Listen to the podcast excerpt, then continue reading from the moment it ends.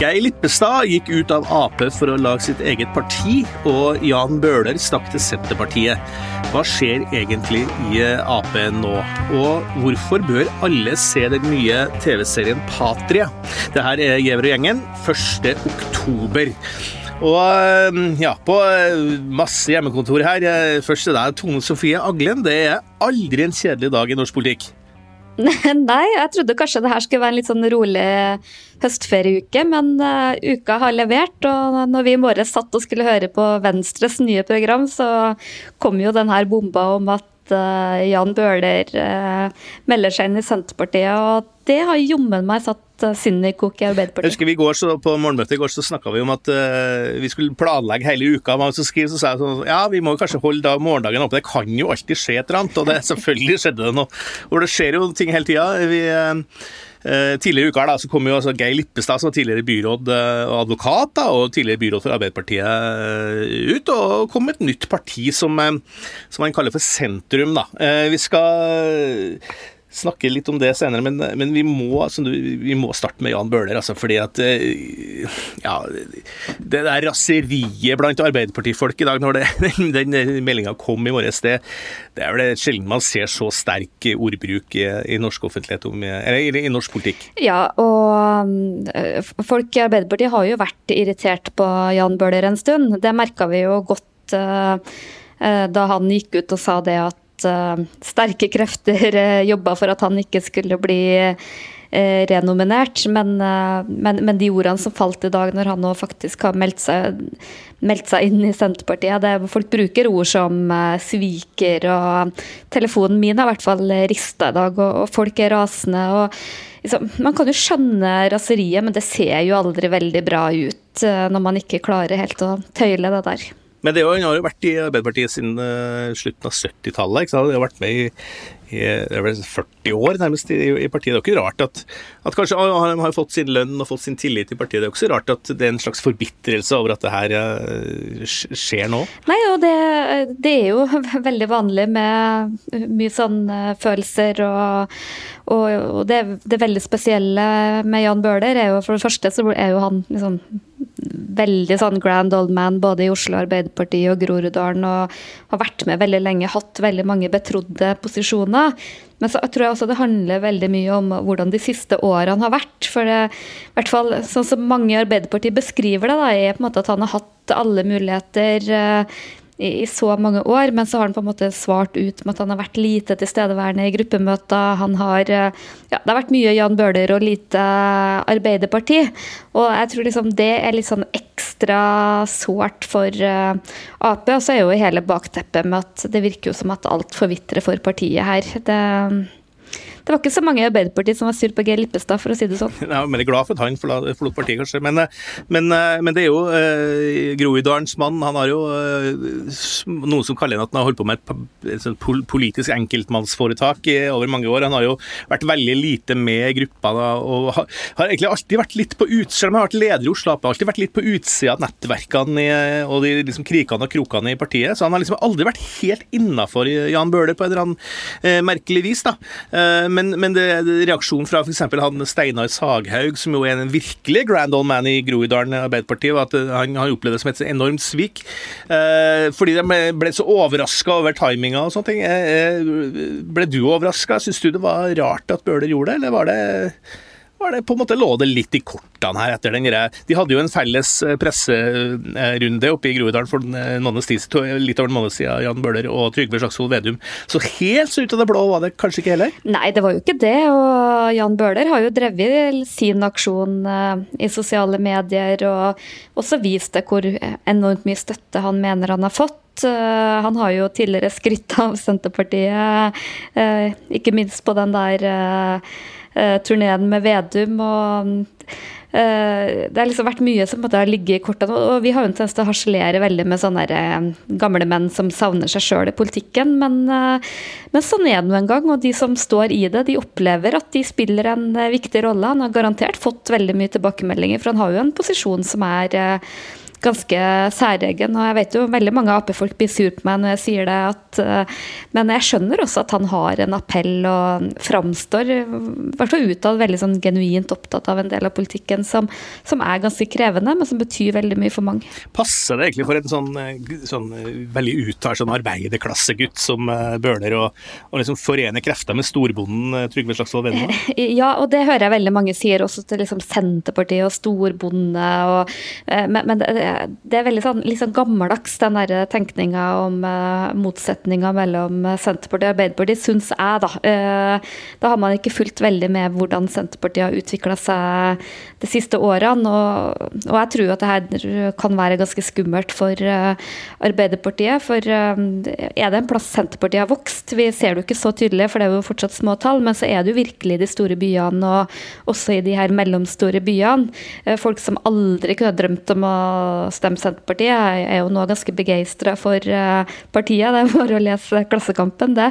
Så ser man det. Og, og Jan Bøhler er en sånn personlighet som kan trekke kanskje akkurat de stemmene som skal til for å vippe et mandat. Klassekampen er jo egentlig et litt sånn uh, fellesnevner her, fordi, fordi uh, han, Jan Bøhler er jo egentlig opprinnelig AKP. Han kom fra SUF ML, ble AKP ML og før han gikk inn i Arbeiderpartiet. Uh, og Nå går han over i Senterpartiet, og Klassekampen står og bejubler det hele. Det er liksom det er sånn ringen er slutta for en slags sånn ytre venstre, skråstrek, Senterpartiet, litt sånn Ja, disse land, land by-land-motsetninger som er ganske interessante, egentlig. Ja, absolutt. Eh, og det har vært litt sånn rart å bevege seg på Stortinget i dag, for jeg var først innom noen Arbeiderpartikontor hvor eh, folk har rett og slett vært så rasende. Og jeg tror mange har nok eh, brent inne med det de gjerne skulle ha sagt og skuffa. Og mange er også letta, liksom. Jeg tenker at nå får andre bakse med Jan Bøhler, som nok ikke har vært sett på som den mest lette å samarbeide med i stortingsgruppa, men når du kom inn i Senterparti-gangen, der var jubelen i taket, og de er særdeles fornøyd med, med denne signeringa. Og, og tror at det virkelig kan, eh, kan løfte for eh, Senterpartiet i, i en stor by. Tro, vi skal jo kanskje ikke spå for mye om framtida her, men, men kan vi nå ende opp med at ja, Senterpartiet får inn stortingsrepresentant fra Oslo. Det har jo tidligere vært helt fullstendig utenkelig, men uh, Det var vel Arne Haukvik satt vel uh, Arne Haukvik var inne i det sant han med stråhatten fra Bislett Games, men, men uh, i hvert fall Senterpartiet har vært et mikroparti da i Oslo. Det, det, har det jo vært i veldig lang tid. Kan de nå rane et viktig mandat fra Ap? Ja, det er jo det de har mulighet til.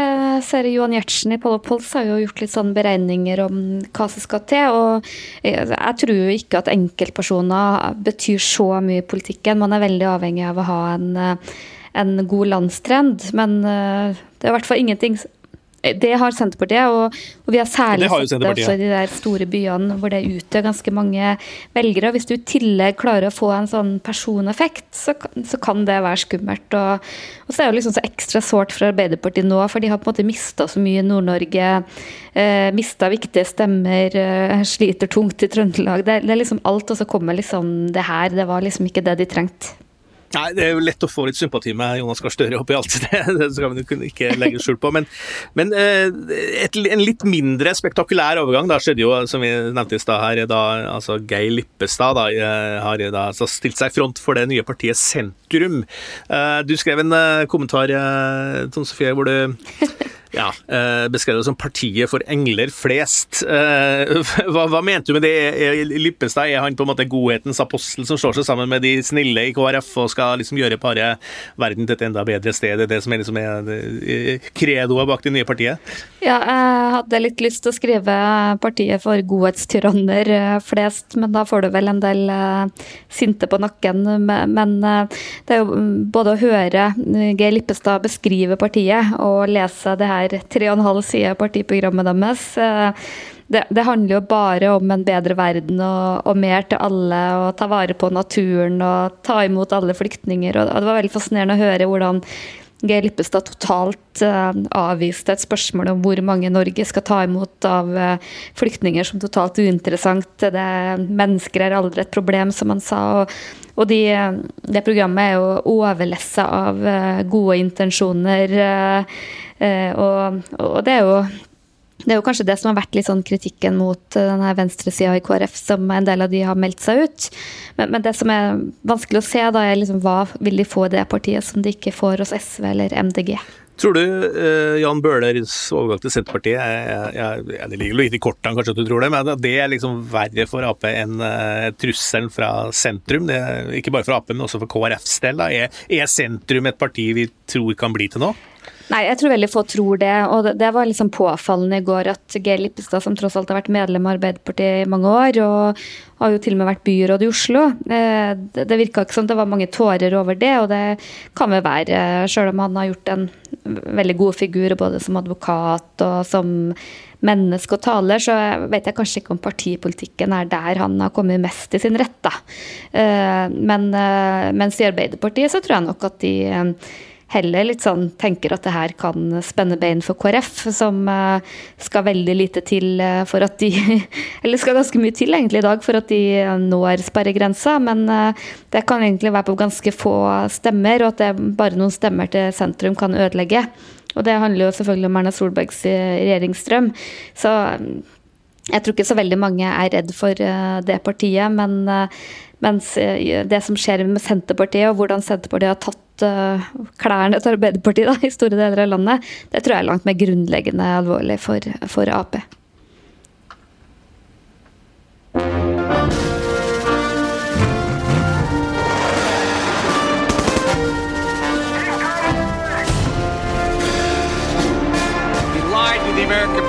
Joe Biden is a weak person.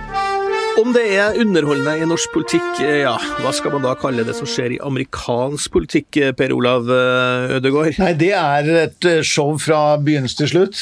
Vi hadde en høydepunkt nå tidligere i uka, og så ser vi jo litt sånn ettervirkningene av ting som skjedde under den første debatten i Cleveland, Ohio. Mm, hva er da siste nytt nå? En av, en av de nye tingene vi ser, er jo at det er i hvert fall enkelte da, i det republikanske partiet som tar til orde mot uh, president Trump. Og Det tror jeg er, det tror jeg bunner i at uh, man er bekymret for at uh, republikanerne kan risikere å tape både Det hvite hus, men også eh, Senatet. Skal huske på at I Senatet så er det i dag 53 republikanere og 47 demokrater.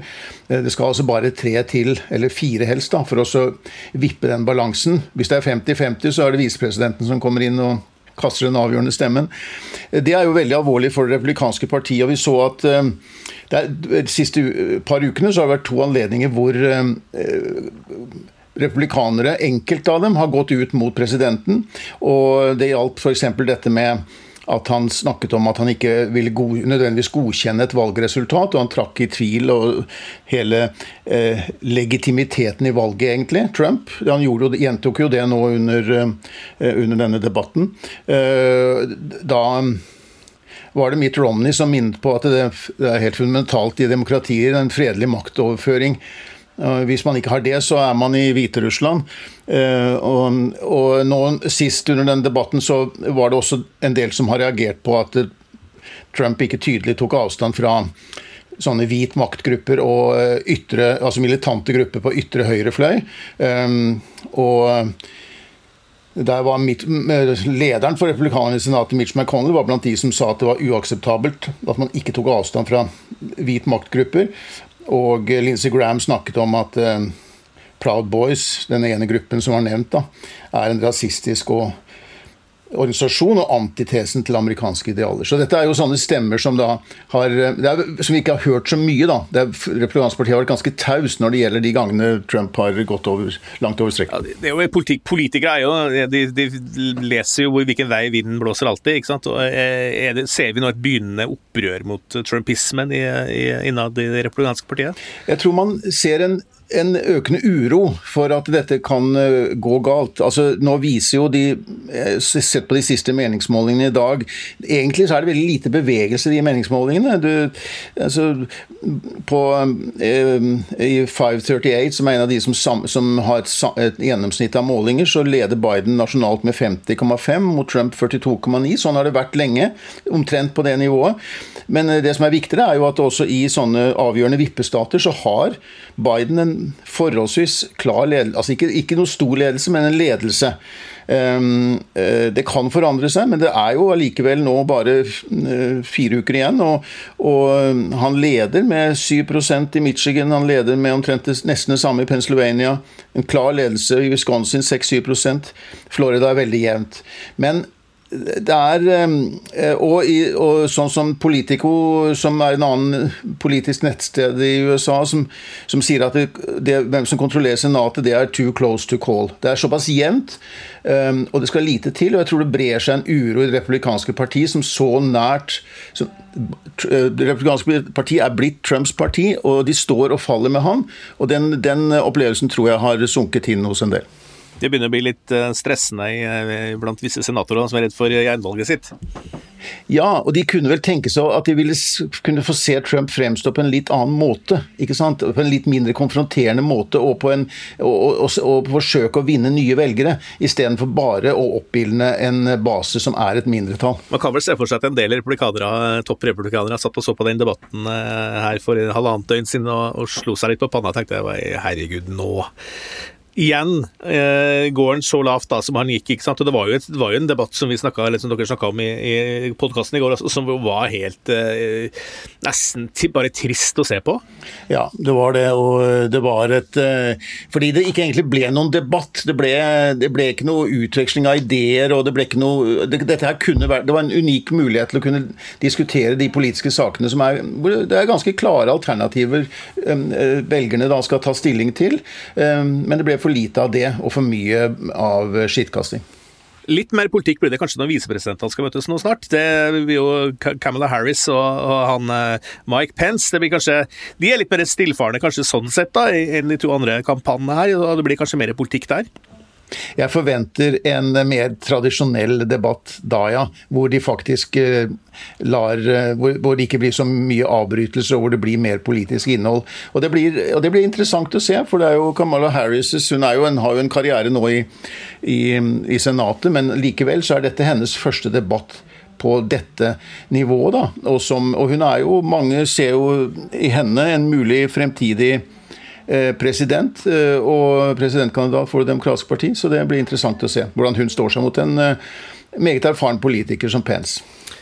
Virkeligheten er jo, er jo, så spektakulær for tida at, eh, at, det som skjer i fiksjonens verden, virker nesten litt sånn eh, nesten litt slapt. Men, eh, men nå, Trine Saugestad Hatlen, min kjære kollega på debattavdelinga i, i, VG, har det kommet en, en serie, spansk serie som både er politisk og poetisk. Den heter altså Patria, eller Hjemland på norsk. da. Hvorfor er det en serie, den går på HBO Nordic, hvorfor er det en serie som folk må se nå, Trine? Jeg, er jeg er egentlig overraska overraska over hvor få som har sett den så langt. Jeg har bare lagt ut en sånn eh, liten avstemning på Instagram for å se, men det er nesten ingen som har sett den ennå. Men alle må virkelig se den serien her. Og jeg har tipsa veldig mange om den, og alle blir helt hekta.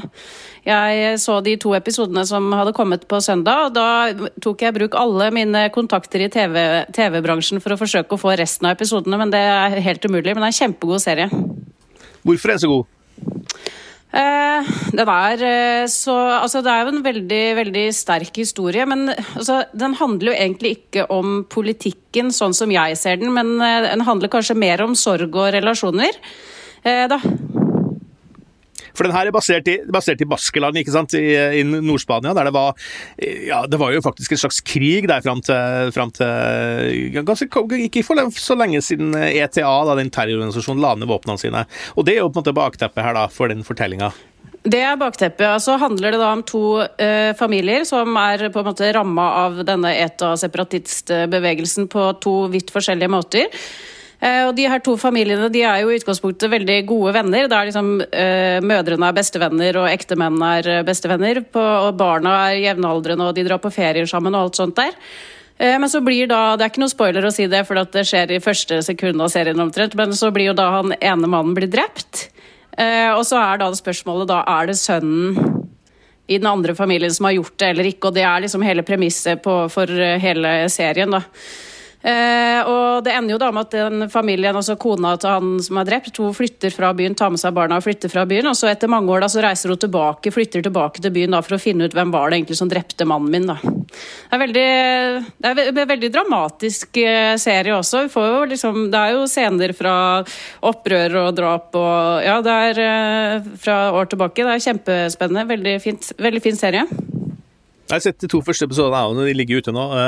og det er ganske interessant å se hvordan de klarer å lage en serie om eh, separatistbevegelsen, om krigen i Baskeland, uten egentlig å ta noe stilling til hvem som har rett der. Det, det, det, er det menneskelige dramaet som er så, så, så sterkt. da. Ja, altså, jeg tror jo han, altså Det her er jo egentlig basert på en bok, da, en bestselger, eh, eh, fra noen år tilbake. og der hadde altså ja, Om den ikke tar stilling til det, er jeg kanskje ikke helt enig med deg. Det gjør den jo for så vidt, kanskje, men eh, den slår litt i begge retninger, for den er jo også kritisk del av politivolden f.eks. Fra, fra spanske sentralmyndigheter. Men eh, jeg tenkte bare, jeg ble så hekta når jeg så de to første episodene at jeg som sagt maila alle jeg kjente for å få resten av episoden. Nå kommer jeg til å tenke på det der med hva syns vi egentlig om sånne serier som på en måte kommer bare én episode i uka, som man må gå og vente på og sånn? Og så er det sånn, mamma sa sånn Ja, men er det ikke fint å ha noe å glede seg til, da? Men jeg tenker sånn at ikke, nå er jeg voksen, liksom. Det, den beslutningen vil jeg så gjerne ta selv. Eh, det er som å nekte barn godteri når du har det i skapet. liksom. Vent til lørdag. Men når man er voksen, så vil man jo egentlig bestemme det sjøl. Helt enig. Altså, jeg så to episoder i går, ble helt hekta og tenkte jeg hadde lyst til å se i hvert fall to til i går kveld. Eh, det første gangen jeg kom til Baskeland var i, på begynnelsen av 90-tallet, på interrail, og da syns jeg bare det var kjempeskummelt å være i, i Nord-Spania. Det, det, var folk, Politiet gikk rundt med, med, maskinpistoler, og det var en sånn veldig trykka stemning. da. Eh, per Olav, du er jo gamle utenriksreporter, du også husker jo godt hvordan, eh, hvordan det var eh, i, i Nord-Spania sånn fram, nesten fram til vår tid? Ja, det, ETA var jo en av disse separatistbevegelsene som det jo var ganske mange av i Europa, og ikke minst i Spania, hvor det har hatt sterke regioner og vært kamp for selvstendighet. Og ETAs kamp var en væpnet kamp som pågikk i 40 år. Uh, dette er jo et uh, Baskeland er jo et, uh, med to, over to millioner innbyggere. og det, jo, det, er jo ganske ny, nylig at det er blitt De la jo ned våpnene. De leverte jo inn våpnene bare for noen få år siden, i 2017 tror jeg. Så gikk vel inn på en våpenhvile i 2011. Det, så det er ganske ferskt. og Sånn som jeg har forstått situasjonen i Baskeland nå, så er det jo ja, det er blitt fred, og ETA har liksom lagt ned sin kamp, men, men det har ikke vært den forsoningen eh, i befolkningen. For det var jo Den satte jo folk og det, Jeg har jo ikke startet å se serien ennå, men i, i, virkeligheten så var det jo sånn at den satte folk opp mot hverandre, naboer mot hverandre. Eh, det var eh, også vold fra andre siden, fra ytre, altså militante grupper på ytterste høyre, mot ETA. Og, så, og ETA Det vel, var jo over 850 mennesker som ble drept i løpet av den, kampen, den, den, tiden de holdt på med sine aksjoner. Så det var jo en veldig blodig og hard konflikt da, som har på en måte revet opp det samfunnet. Og kanskje ikke det har lagt seg helt. Jeg vet ikke om en sånn serie som dette kan virke forsonende, eller um, hvordan den vil fungere. Men um, jeg får se det først. Det er det de driver og diskuterer i spanske medier eh, nå. Da, fordi at eh, altså, Spanske medier skriver mye om at dette fortsatt er som, eh, som en slags åpent sår og veldig sånn tabubelagt tema fortsatt for veldig mange som bor i Baskeland. Da. Sånn at Det er knytta veldig stor spenning til hva, hva, den serien her vil ha å si for ja, nettopp det med naboer som lever side om side, men på en måte men lever med en sånn der hemmelighet da, om man var på riktig eller feil side, om man eh, hadde familiemedlemmer som var blitt drept, eller familiemedlemmer medlemmer som var radikaliserte og som var, hadde drept noen. altså At det her eh, fortsatt er en sånn stor, tung sky som ligger over hele Baskeland. Det blir spennende å se. Den boka jo, kom jo i 2016, så vidt jeg forstår. Den var, blitt så populær i Baskeland at det er sånn, uansett hvor du går inn på en pub eller hvor som helst, eh, så, så har, de, har, de, et X av den boka liggende. Det er blitt en, nærmest en sånn eh, nasjonallitteratur uh, i, i Baskeland. Den boka 'Patria', som denne serien da bygger på. Uh, alle sammen må uh, ja, logge seg inn på HBO Nordic da, og se den. Det er vår klare oppfordring. Eh, og med det så sier vi at dagens sending er over. I uh, hvert vårt hjemmekontor, Tine Saugestad Hatlen, Per Olav Ødegaard, Tone Sofie Aglen, mitt navn er Hans Petter Sjøli, og vår regissør og opprørsleder heter Magne Antonsen. Vi høres igjen i morgen.